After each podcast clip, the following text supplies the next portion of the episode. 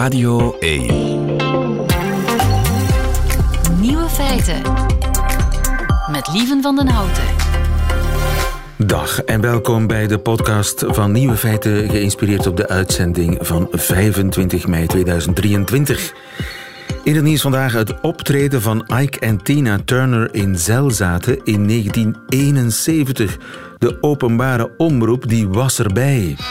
De goden van de Amerikaanse soul music vereerden Zelzaten met een bezoek in nauwsluitend springpak. Ike en Tina Turner.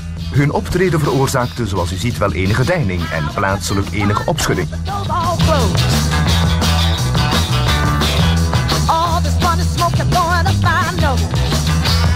Ja, Tina Turner in nauwsluitend springpak als godin van de soul music.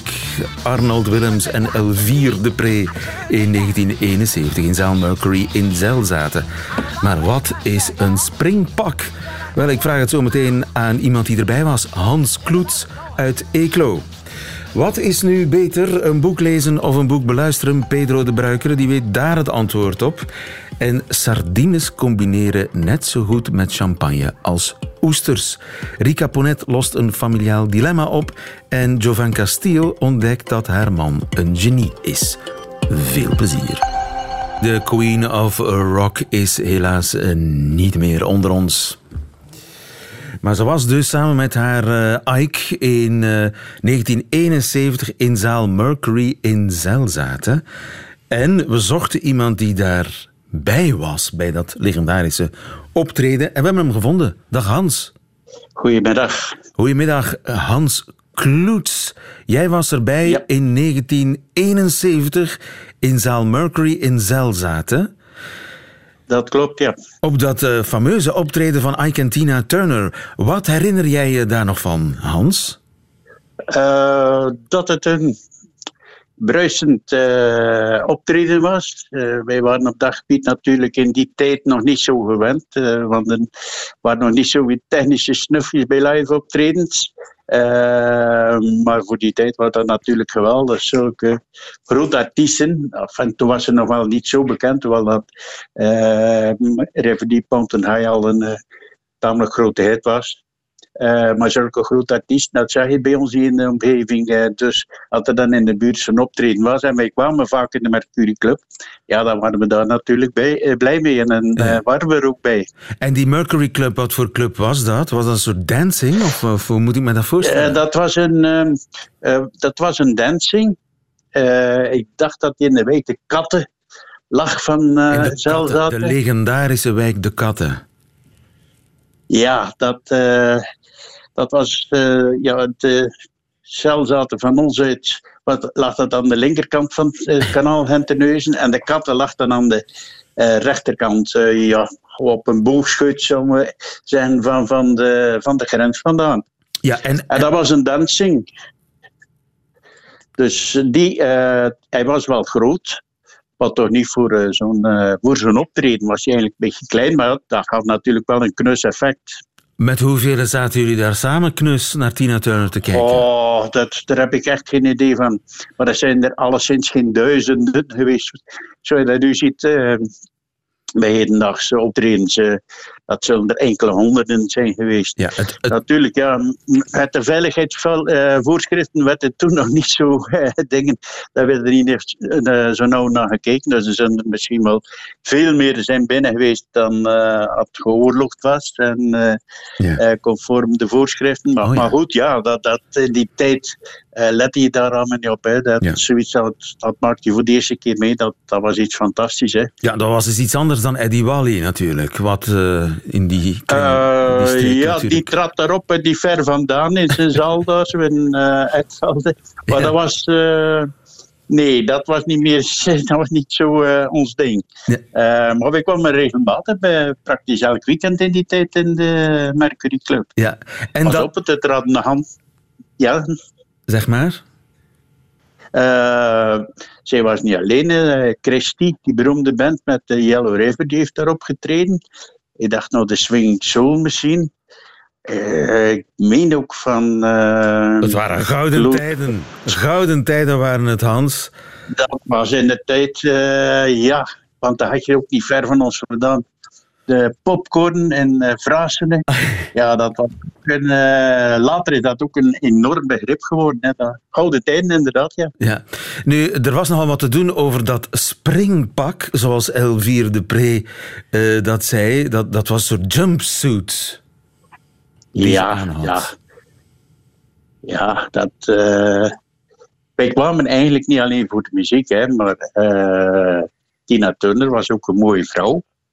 En die cats, de backing eh, vocals, die, eh, die mochten ook gezien zijn. Hè. Ja. En natuurlijk, ja, dat, uh, maar goed, vergeleken met vandaag de dag was dat nog vrij netjes, vond ik hoor. Dat, uh, dat was vrij netjes, uh, hoewel er hier en daar toch een tepel doorheen de dunne spandekstof priemde. Ja, maar daar stonden wij toen echt bij, niet bij stil hoor. Dat dat aanstootgevend was. Uh, nee, dat, uh, ik heb niemand afkeurende, afkeurende geluiden of opmerkingen horen maken in mijn omgeving dat, toen als ik daar was. Het was een geweldig feest. iets wat ze nog nooit gezien hadden in Zeilzaten, neem ik aan, hè? nee, nee, nee. Maar wij hadden dat... Ja, nog goed, waarover ik vandaan kom, Zeeland, was toch al niet rijk aan zoiets. hadden ze ook optredens, maar uh, nee, dat, uh, dat heeft eigenlijk een tijdperk in, uh, niet tijdperk ingeluid. Hè, want ja, grote optredens buiten natuurlijk Woodstock en op het eiland ja, dat, dat, dat ken je niet. Ook grote live optredens. Ja, ja. Je hebt nu dat allemaal in het dingen, hè, in de open lucht. Ja. Maar toen de tijd waren die optredens meer in de grote zaal. En waarvoor je grote zaal? Dat was in de grote steden. Maar zeker niet op het platteland, met alle respect natuurlijk nee. voor Zelzaten, maar uh, ja, dat had je niet. Hè. Ja, eh, dat is een, een bom geweest in meerdere betekenissen van het woord. Een stukje Woodstock in uh, Zelzaten op het Vlaamse platteland. Ja, ja. Uh, het, ja dat zullen, was... Hans Kloets, jij zal het nooit vergeten, neem ik aan. En wij gedenken nee. vandaag Tina Turner. Of Tina ja. Turner, zoals uh, uh, Elvier de Preet ja. zei in 1971. Het was nog een beetje ja. wennen. Hans Kloets, dankjewel. Nog een fijne dag verder. Ja, dank u. Radio 1.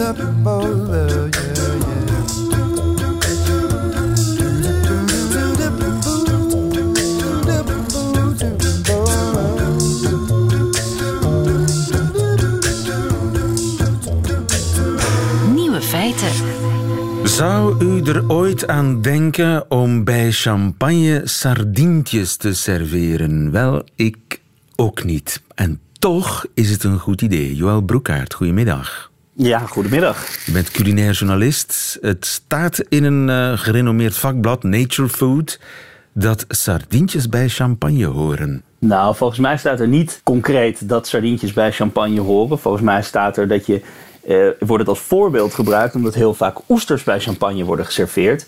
En um, in 2020, als ik me niet vergis, is er een onderzoek gedaan door wetenschappers die zeggen daar de reden voor te hebben gevonden dat dat zo goed bij elkaar gaat. En deze auteur van het, uh, van het stuk, wat jij, het artikel wat jij nu aanhaalt, die zegt: Nou, als dat de reden is, dan zou je net zo goed sardientjes als oesters bij champagne kunnen serveren, want daar zitten dezelfde stofjes in. Oké, okay, dus als oesters bij champagne passen, dan ook sardines. Exact. En dat heeft te maken met uh, onderliggende chemie. Exact. En hoe zit dat? dat? Hoe, ja, hoe, dat... Heet, hoe, werkt dat ongeveer? In, kan je dat helder ja, uitleggen in, ja, in uh, mensentaal? Ja, zeker. Daar moeten we twee, even twee dingen voor, uh, voor weten. Eén, wij, wij proeven allemaal vijf basissmaken in onze mond: zoet, zuur, zout, bitter en umami. Umami is er nog niet zo heel lang geleden bijgekomen. 20, 30 jaar geleden hebben we dat officieel als, als mondiale wetenschap uh, erkend dat dat de vijfde basissmaak is. Dat is een hele hartige, vlezige smaak. Hè, net zoals dat suiker verantwoordelijk is voor de zoete smaak, is, zijn aminozuren, en in het specifiek glutaminezuur, is verantwoordelijk voor die umami-smaak. Dus als jij suiker in je mond hebt, wordt dat gedetecteerd en proef je iets zoets. Als jij aminozuren in je mond hebt, dan wordt dat gedetecteerd door je smaakpapillen en proef je die vlezige umami-smaak. Juist. Um, dat is één ding. Nu blijkt er, blijken er twee andere stofjes te zijn, namelijk nucleotiden. Dat zijn hele kleine, dat zijn de bouwsteentjes die we kennen, uh, waaruit ons DNA en RNA is opgebouwd. Um, als te- die hebben op zichzelf geen smaak. Maar als die aanwezig zijn in je mond tegelijkertijd met zo'n glutaminezuur, met dat aminozuur wat die umami smaak veroorzaakt, dan versterken ze die umami gewaarwording tot wel 15 eh, keer. Oké, dat Dus is dat een soort betekent- hocus pocus die gebeurt als je twee dingen bij elkaar zet, eh, waar twee stofjes in zitten, die smelten samen tot, tot eh, een, een hele grote umami-ervaring.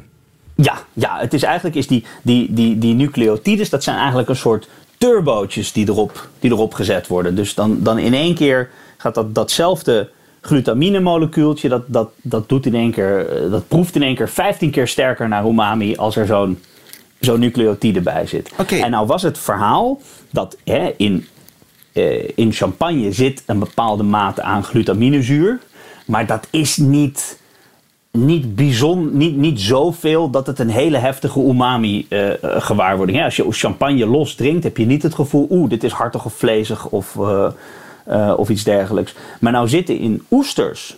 zitten sowieso ook heel veel van dat glutaminezuur...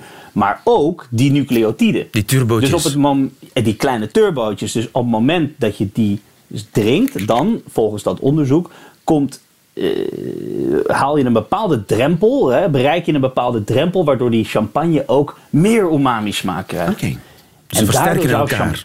Ja, dat is het verhaal. En nou zegt die andere auteur, eh, deze Charles Spence, de professor, die zegt: ja, maar in sardientjes zitten die dingen ook.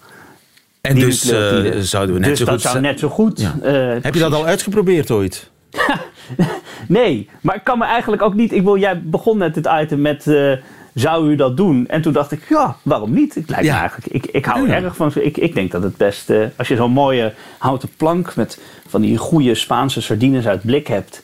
Ja. Daar zou ik best een glaasje champagne bij lusten. Maar we zijn er natuurlijk niet toe geneigd, omdat sardientjes, ja, dat wordt gezien als iets ja, goedkopers dan oesters. En we denken, ja, duur moet met duur samengaan. Maar ja, dat is natuurlijk, eh, dat zit in ons hoofd. dat is precies ook het argument wat deze Charles Spence maakt. Die zegt. Eh, in de in de tweede helft van de 19e eeuw waren oesters niet aan te slepen. Dat was gewoon, eh, nou ja, arme luisvoer zou ik niet zeggen. Maar dat was, dat was niet chic. Die dingen die werden per pond eh, verkocht. Eh, dus toen zag je dat er veel vaker caviar eh, werd geserveerd bij champagne. Omdat dat he- het chique ingrediënt was om bij champagne te. Champagne staat voor luxe, champagne staat voor duur, dat staat voor chic. Dus daar, wil je dan, daar, daar wilde men geen oesters bij serveren. Een beetje hetzelfde gevoel wat jij nu over die sardientjes hebt, dat had men toen over die oesters. Dus daarmee wil hij aantonen. eh, misschien heeft die, die, die smaakchemie, die onderliggende smaakchemie, eigenlijk helemaal niet zo heel veel daarmee te maken. Maar is het meer een traditie Ja. die. ehm, Traditie. Een sociale traditie Sociale eigenlijk. traditie, om Ja. niet te zeggen snobisme. Hè? Vaak. Ja. Jouw woorden. Ja, maar, maar eh, zijn er zo nog voorbeelden van die umami-synergie, waarbij die turbootjes de umami-ervaring Ja. Eh, oh. zwaar Nou, versterken? Dat is dus het allerleukste. We, hebben dit, eh, we weten dit nog niet zo heel lang. Eh, eh, dat onderzoek is vrij eh, nieuw. Ehm, of de ontdekking eigenlijk van de werking van die, van die turbootjes. Alleen we doen dit al eeuwen. Gewoon uit, uit, uit ervaring. Eh, denk maar aan een, een cheeseburger is lekkerder dan een hamburger alleen. Omdat, omdat, dat toch, omdat dat weer die nucleotiden uit het vlees en de, en de glutamaat uit de kaas samen. Die, die, en maar hetzelfde geldt in een Caesar salad. Daar heb je ook anchovies en kaas wat je met elkaar. In een Franse uiensoep heb je de runderbouillon en de kaas. In een kippensoep komt er veel glutamaat uit de mirepoix die je gebruikt. Uit de wortels, uit de uien, uit de selderij. En dan zit er weer wat van die nucleotiden in, dat, in die bouillon. Die komt uit die kip. Al die dingen die, die doen wij natuurlijk al eeuwen. Die combinaties maken wij omdat we natuurlijk wel ervaren hebben dat dat heel lekker is Ja. samen. Alleen weten we dus pas sinds kort waarom dat zo lekker is samen. Ja, ja. En eh, is dat hetzelfde verhaal bij eh, wijn combineren bij bepaalde gerechten? Is, heeft dat daar ook mee te maken met die chemie? Of is dit een andere chemie? Eh, ik denk dat, dat, veel, dat het in, in, in heel veel gevallen over een andere chemie gaat. Ik denk dat je het dan meer hebt over een, ehm, aroma's die met elkaar eh, complementeren of juist eh, in mekaars verlengde liggen of, of een beetje contrasteren met elkaar. Daar ga je dus veel meer zoeken in, in, in smaakcombinaties. Eh, die, die, dat zijn dan gewoon aroma's die we ruiken, parfums, Ja. smaken die waar, waarmee we associaties bij ons op, oproepen die wel of niet in elkaars verlengde liggen. Dat heeft niet, niet veel te maken, dat heeft niks te maken met umami-synergie, wat in je mond. met die, die geweldige chemie die kan ontstaan als je bijvoorbeeld gehakt met kaas combineert. ja, exact. En dus ook sardines met champagne. Wat ik toch dringend eens ga moeten proberen, Joël. Laat ons weten hoe het we- afloopt bij jou. Heel goed, dat zullen we zeker doen. Dankjewel, Joël Broekaert. Goedemiddag. Yes, dankjewel, fijne middag. Hoi. Vraag het aan Rika.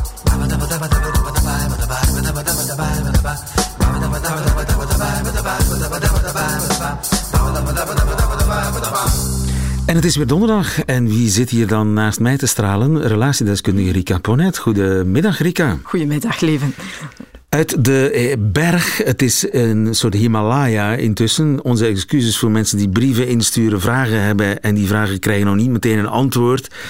We kunnen maar één brief per eh, week behandelen, het spijt ons, maar vandaag gaat het over de brief van Kaat. En Kaat schrijft, lange brief. Maar boeiend. Mijn ouders zijn 40 jaar geleden gescheiden toen ik een jaar was, omwille van een buitenechtelijke relatie van mijn vader. Hij is enkele jaren later ook getrouwd met die vrouw, die zelf al een kind had. Samen hebben ze ook nog een kind. We zijn dus met drie, weliswaar met drie verschillende oudere paren. Ik kwam 36 uur per twee weken in het gezin als kind, van zaterdagmiddag tot zondagavond om de twee weken. Er was geen sprake van co-ouderschap of aandacht voor het kind in de scheiding. Het was de jaren tachtig. En ik was het enige kind van de klas met gescheiden ouders. In tegenstelling tot de inzichten die hierover vandaag bestaan. Mijn moeder zat en zit nog steeds vast in een slachtofferrol, waardoor ik me als kind zo onzichtbaar en braaf mogelijk gemaakt heb. Al die tijd ben ik in het gezin van mijn vader het vijfde wiel aan de wagen gebleven. Mijn vader heeft de dochter van zijn vrouw beschouwd en aanvaard als zijn eigen kind. Dat vind ik prima. Ik heb me daar nooit tegen verzet. Maar omgekeerd, van mijn stiefmoeder naar mij is dat helemaal niet zo. We zijn met drie, waarvan twee biologische kinderen van mijn vader, en toch sta ik altijd op de laatste rij. Ik vraag niet om op een rij voor de andere kinderen te staan, maar allemaal op dezelfde rij. Dat zou wel fijn zijn. Mijn vader heeft samengevat drie kinderen, mijn stiefmoeder twee. Ook erfrechtelijk hebben ze het zo geregeld, hoewel mijn vader altijd de grote kostwinner van het gezin geweest is en nog steeds is. Bovendien word ik door mijn stiefmoeder niet enkel genegeerd, maar ook beledigd en vernederd. Ook familieleden van mijn stiefmoeder erkennen dit. Intussen heb ik zelf kinderen en herhaalt ook naar hen toe dit patroon zich. Ik heb het hier steeds moeilijker mee, ook naar mijn kinderen toe. Ik heb het gevoel dat ik al jaren veel te veel verdraag. Ik weet dat het advies zal zijn dat ik met hem moet spreken, maar dat is zeer moeilijk. Ik heb het in het verleden geprobeerd zonder resultaat. Het is quasi onmogelijk om dit gesprek aan te gaan zonder mijn stiefmoeder als oorzaak aan te duiden, hoewel natuurlijk ook mijn vader niet vrij uitgaat, omdat hij al 40 jaar mijn belangen te weinig verdedigt. Alles wat ik met hem bespreek, koppelt hij ook direct terug naar haar. En ik zie hem nooit alleen. Het gaat zover dat ik ernstig erover nadenk om het contact te verbreken. Of dat niet beter zou zijn voor mijn gemoedsrust. Maar dan ontneem ik mijn kinderen ook een grootouder en de andere kleinkinderen. Wat kan ik hiermee doen volgens u? Ik ben zelf in therapie en heb hierover al zeer veel gelezen, gesproken met anderen en met mijn therapeut, maar het lijkt een onoplosbaar spinnenweb. Bedankt om mijn vraag te overwegen. Schrijft Kaat. Ingewikkelde kwestie. Ja, en ook een heel pijnlijk verhaal. Ik vind dat. ehm, en dat gaat natuurlijk ook over een tijdskader eh, waar nieuw samengestelde gezinnen nog een, ehm, ja, een heel onbekend gegeven waren. Vandaag weten we daar gelukkig eh, meer over, wat het niet minder ingewikkeld maakt. Nu, als ik goed luister, wat ik vooral voel in eerste instantie, en dat raakt mij op een bepaalde manier wel, ehm, dat is dat er eigenlijk aan beide kanten, eh, door beide ouders, want eh, ze heeft het maar heel kort over haar moeder, die tot op vandaag in het slachtofferschap zit. Dat wil zeggen, uh, zichzelf ziet als slachtoffer van die hele scheiding van 40 jaar geleden. Dat, is ook lang. Ehm, maar aan beide kanten eigenlijk, ehm, of aan beide kanten, een miskenning van uh, de diepe verlieservaring die dat voor haar geweest is als kind. Hè. Ehm, Hoe bedoel je dat? Oh, weet je... Het feit dat die moeder vooral zelf het slachtoffer speelt. Zelf het slachtoffer speelt. En eigenlijk, eigenlijk dat, heeft dat, dat, kind, uh, die dochter in dit geval, die inmiddels volwassen is, eigenlijk haar verlieservaring, dat, dat was... Totaal geen aandacht gekregen, ja.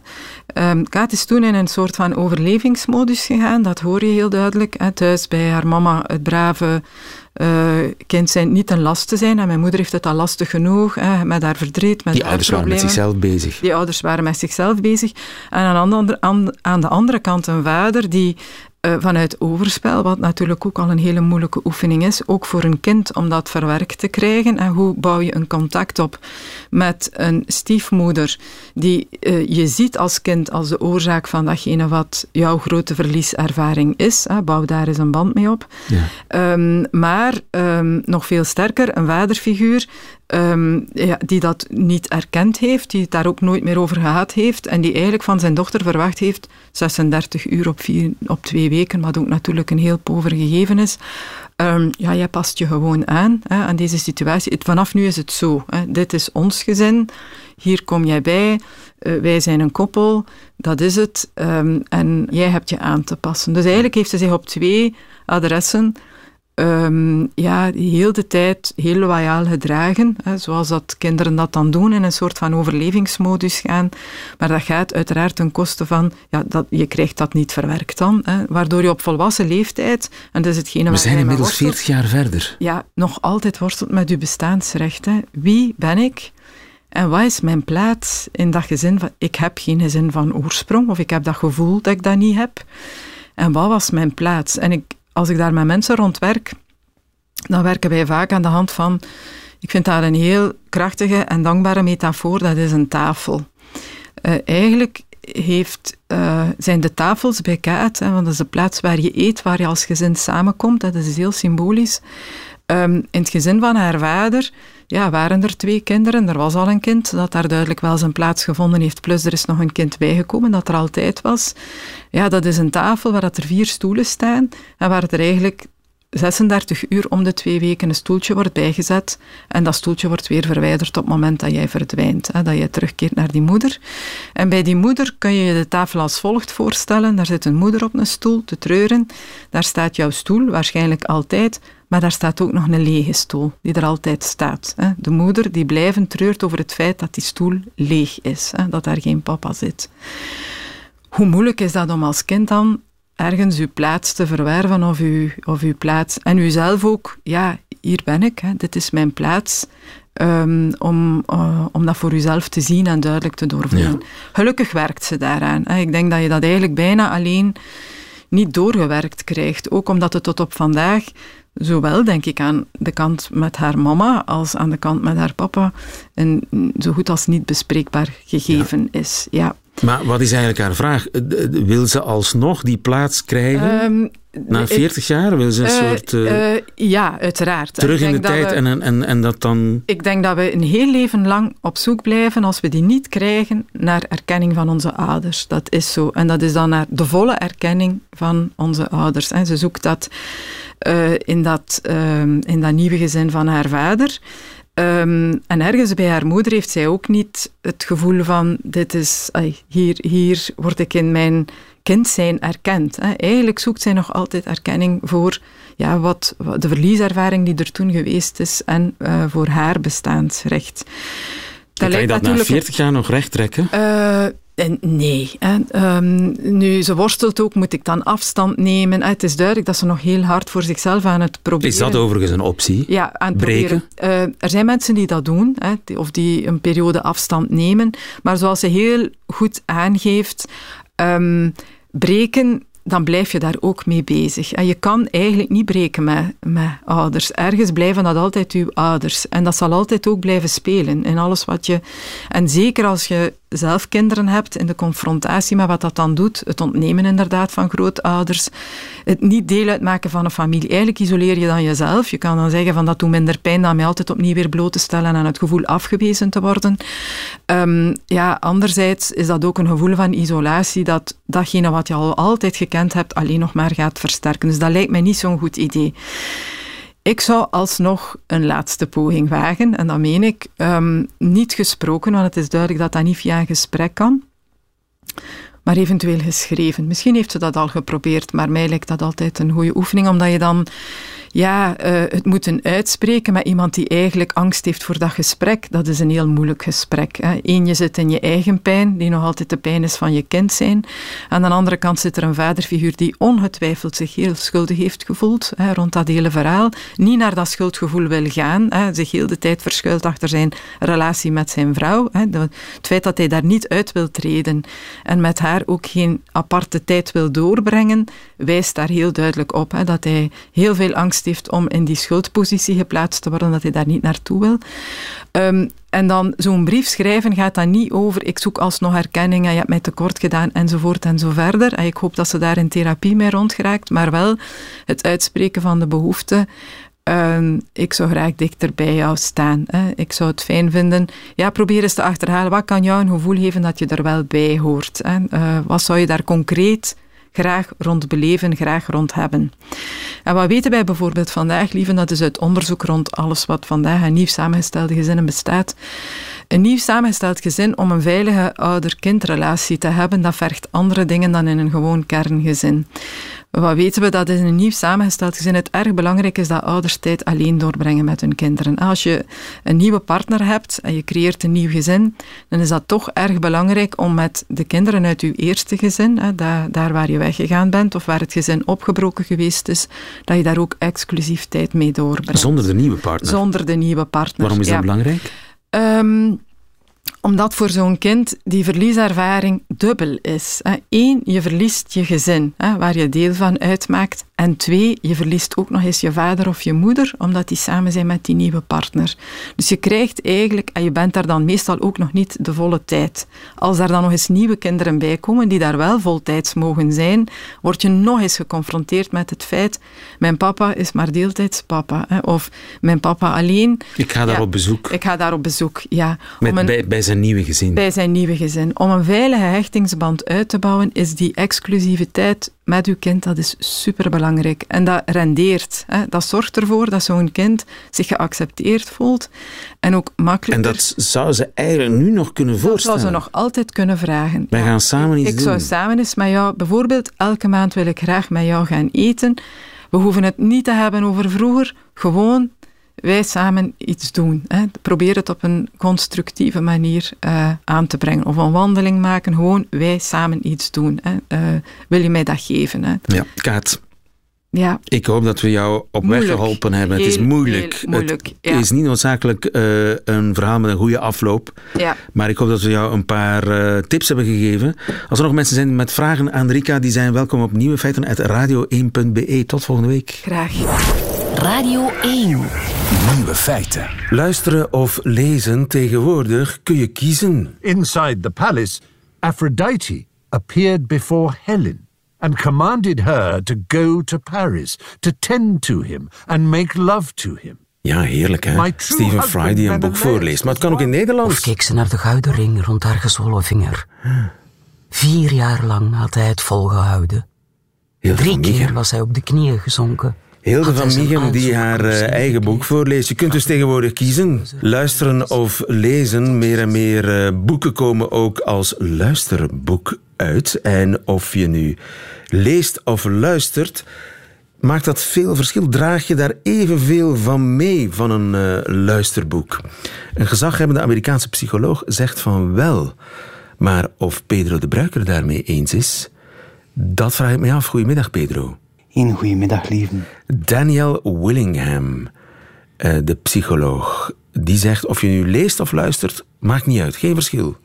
Heeft hij gelijk? Maar hij zegt nog wel wat meer. Hij zegt voor het plezier maakt het niet zoveel uit. Maar voor het onthouden, dat wordt wat complexer. En ehm, eh, Dan Willingham heeft het uh, in feite de eerste keer gezegd in 2016, 2018. Maar vorig jaar is er een groot overzichtsstudie verschenen, waarbij ze gekeken hebben naar, hou u vast, het 50 jaar onderzoek rond het thema, want men is daar al lang mee bezig. En als we dan naar alles kijken, zijn er twee elementen die belangrijk zijn om daarbij rekening te houden. Als het gaat om te leren, en het is echt wel complexere materie, ja, dan wint het boek. Oké. Dus dat is heel duidelijk. cursussen volgen, daar heb je een boek bij nodig. Ja, en ook als je jonger bent en het nog niet zo goed kan lezen, dan kan het tegelijk aanbieden van de tekst gesproken en geschreven ook wel helpen. Oké, maar dat is voor, voor ja, beginnende lezers. Dat is voor beginnende lezers of voor uh, mensen die een nieuwe taal of in, in een andere taal beginnen te studeren. Mm Maar uh, ik die gewoon een boek wil lezen, heb ik daar meer aan om een boek te lezen dan om het te luisteren? Wel, ik denk dat er één belangrijk element hier is en dat is complexiteit. Uh, als het een, een, een verhaal is dat complexer wordt, als het een, een moeilijke verhaal wordt, ja, waarbij dat je ook misschien af en toe een keer wil pauzeren, waar dat je misschien ook een keer moet terugbladeren om, om het echt te vatten, dan zal terugpapier waarschijnlijk toch wel weer meerwaarde hebben. Nu, de grote lijnen die ga je even onthouden via een, een, een audioboek als dat je op papier leest. Maar die complexiteit is echt een belangrijk element die, waar dat uh, papier sterker voor is. Dus uh, een gewoon entertain, een spannend boek, zeg maar, dat kun je net zo goed uh, beluisteren. Maar ja. Thomas Mann, dat kun je, de Toverberg, het, eh, het, verdriet van België, ik zeg ze maar iets, dat, daar ben je toch nog altijd beter af in een hoekje met een boekje. Ja, nu opgelet, wat ook heel belangrijk is, is een stukje natuurlijk je eigen voorkeur. Um, het, het voordeel van, van audioboeken, en ik, ken heel veel mensen die dat doen, is dat je daar bijvoorbeeld in de wagen of uh, op de trein kan naar luisteren. Uh, in de wagen zou ik geen boek lezen tijdens de trein, in de trein kan je ook een boek lezen, maar toch. Terwijl dat, ja, een, een boek heeft natuurlijk ook het voordeel van ja, ergens eens u te kunnen afzonderen en echt gefocust daarop te gaan, gaan kijken. En dat heeft natuurlijk te maken met uw persoonlijke voorkeuren wat je ook het liefste doet. Dankjewel, Pedro de Bruikere. Goedemiddag. Goedemiddag. Nieuwe feiten. Ziezo, dat waren ze, de nieuwe feiten van donderdag 25 mei 2023. Alleen nog die van Jovan Castiel, die krijgt u nu in haar middagjournaal. Nieuwe feiten. Middagjournaal.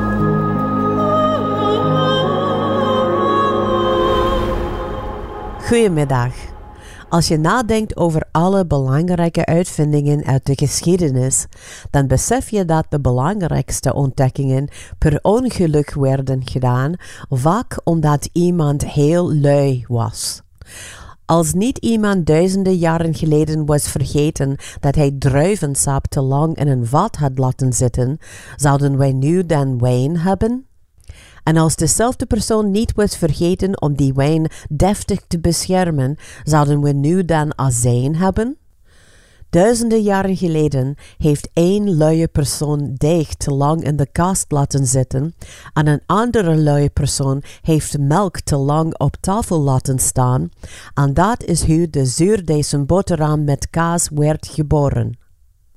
Misschien is de sleutel naar creativiteit om te stoppen met hard te werken en gewoon te wachten tot er spontaan iets geniaals gebeurt. Het beste voorbeeld van een lui genie was Alexander Fleming, die in 1928 terugkwam van vakantie en zag dat hij was vergeten zijn labo op te ruimen. Plots merkte hij dat er iets vuils groeide op een van zijn petrischaaltjes. Ja, als Alexander Fleming niet zo slordig was geweest, zou de wereld nu geen penicilline hebben. En los van deze ongelooflijke ontdekking had Alexander Fleming een perfect excuus om nooit meer zijn labo hoeven op te ruimen. Soms denk ik dat mijn man ook bezig is met wetenschappelijke experimenten. Zijn labo is onze koelkast, waar hij dozen restjes in de achterkant verbergt. En als ik ze niet zie, kunnen ze daar soms maanden blijven. Waarom heeft hij ze niet in de vuilbak gegooid? Ik kan alleen maar vermoeden dat hij bezig is met een belangrijk experiment. En als ik rondkijk in ons huis naar de stapels stripboeken, de dozen met willekeurige kabels of de buitenmuur van ons huis waar mijn man de helft van de tegels verwijderde, maar nooit verving, ben ik in volle verwachting van een paar geniale uitvindingen die de wereld voor altijd zullen veranderen. Of dat echt zal gebeuren, weet ik niet. Maar mijn man is zeker lui genoeg om een genie te kunnen zijn.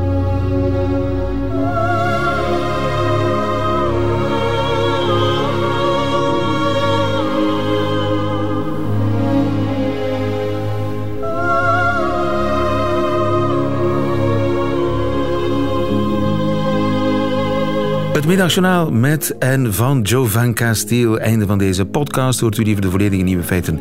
Dat wil zeggen met de muziek erbij. Dat kan natuurlijk elke werkdag live tussen 12 en 1 op Radio 1. Of on demand via de Radio 1 app of website. Tot een volgende keer.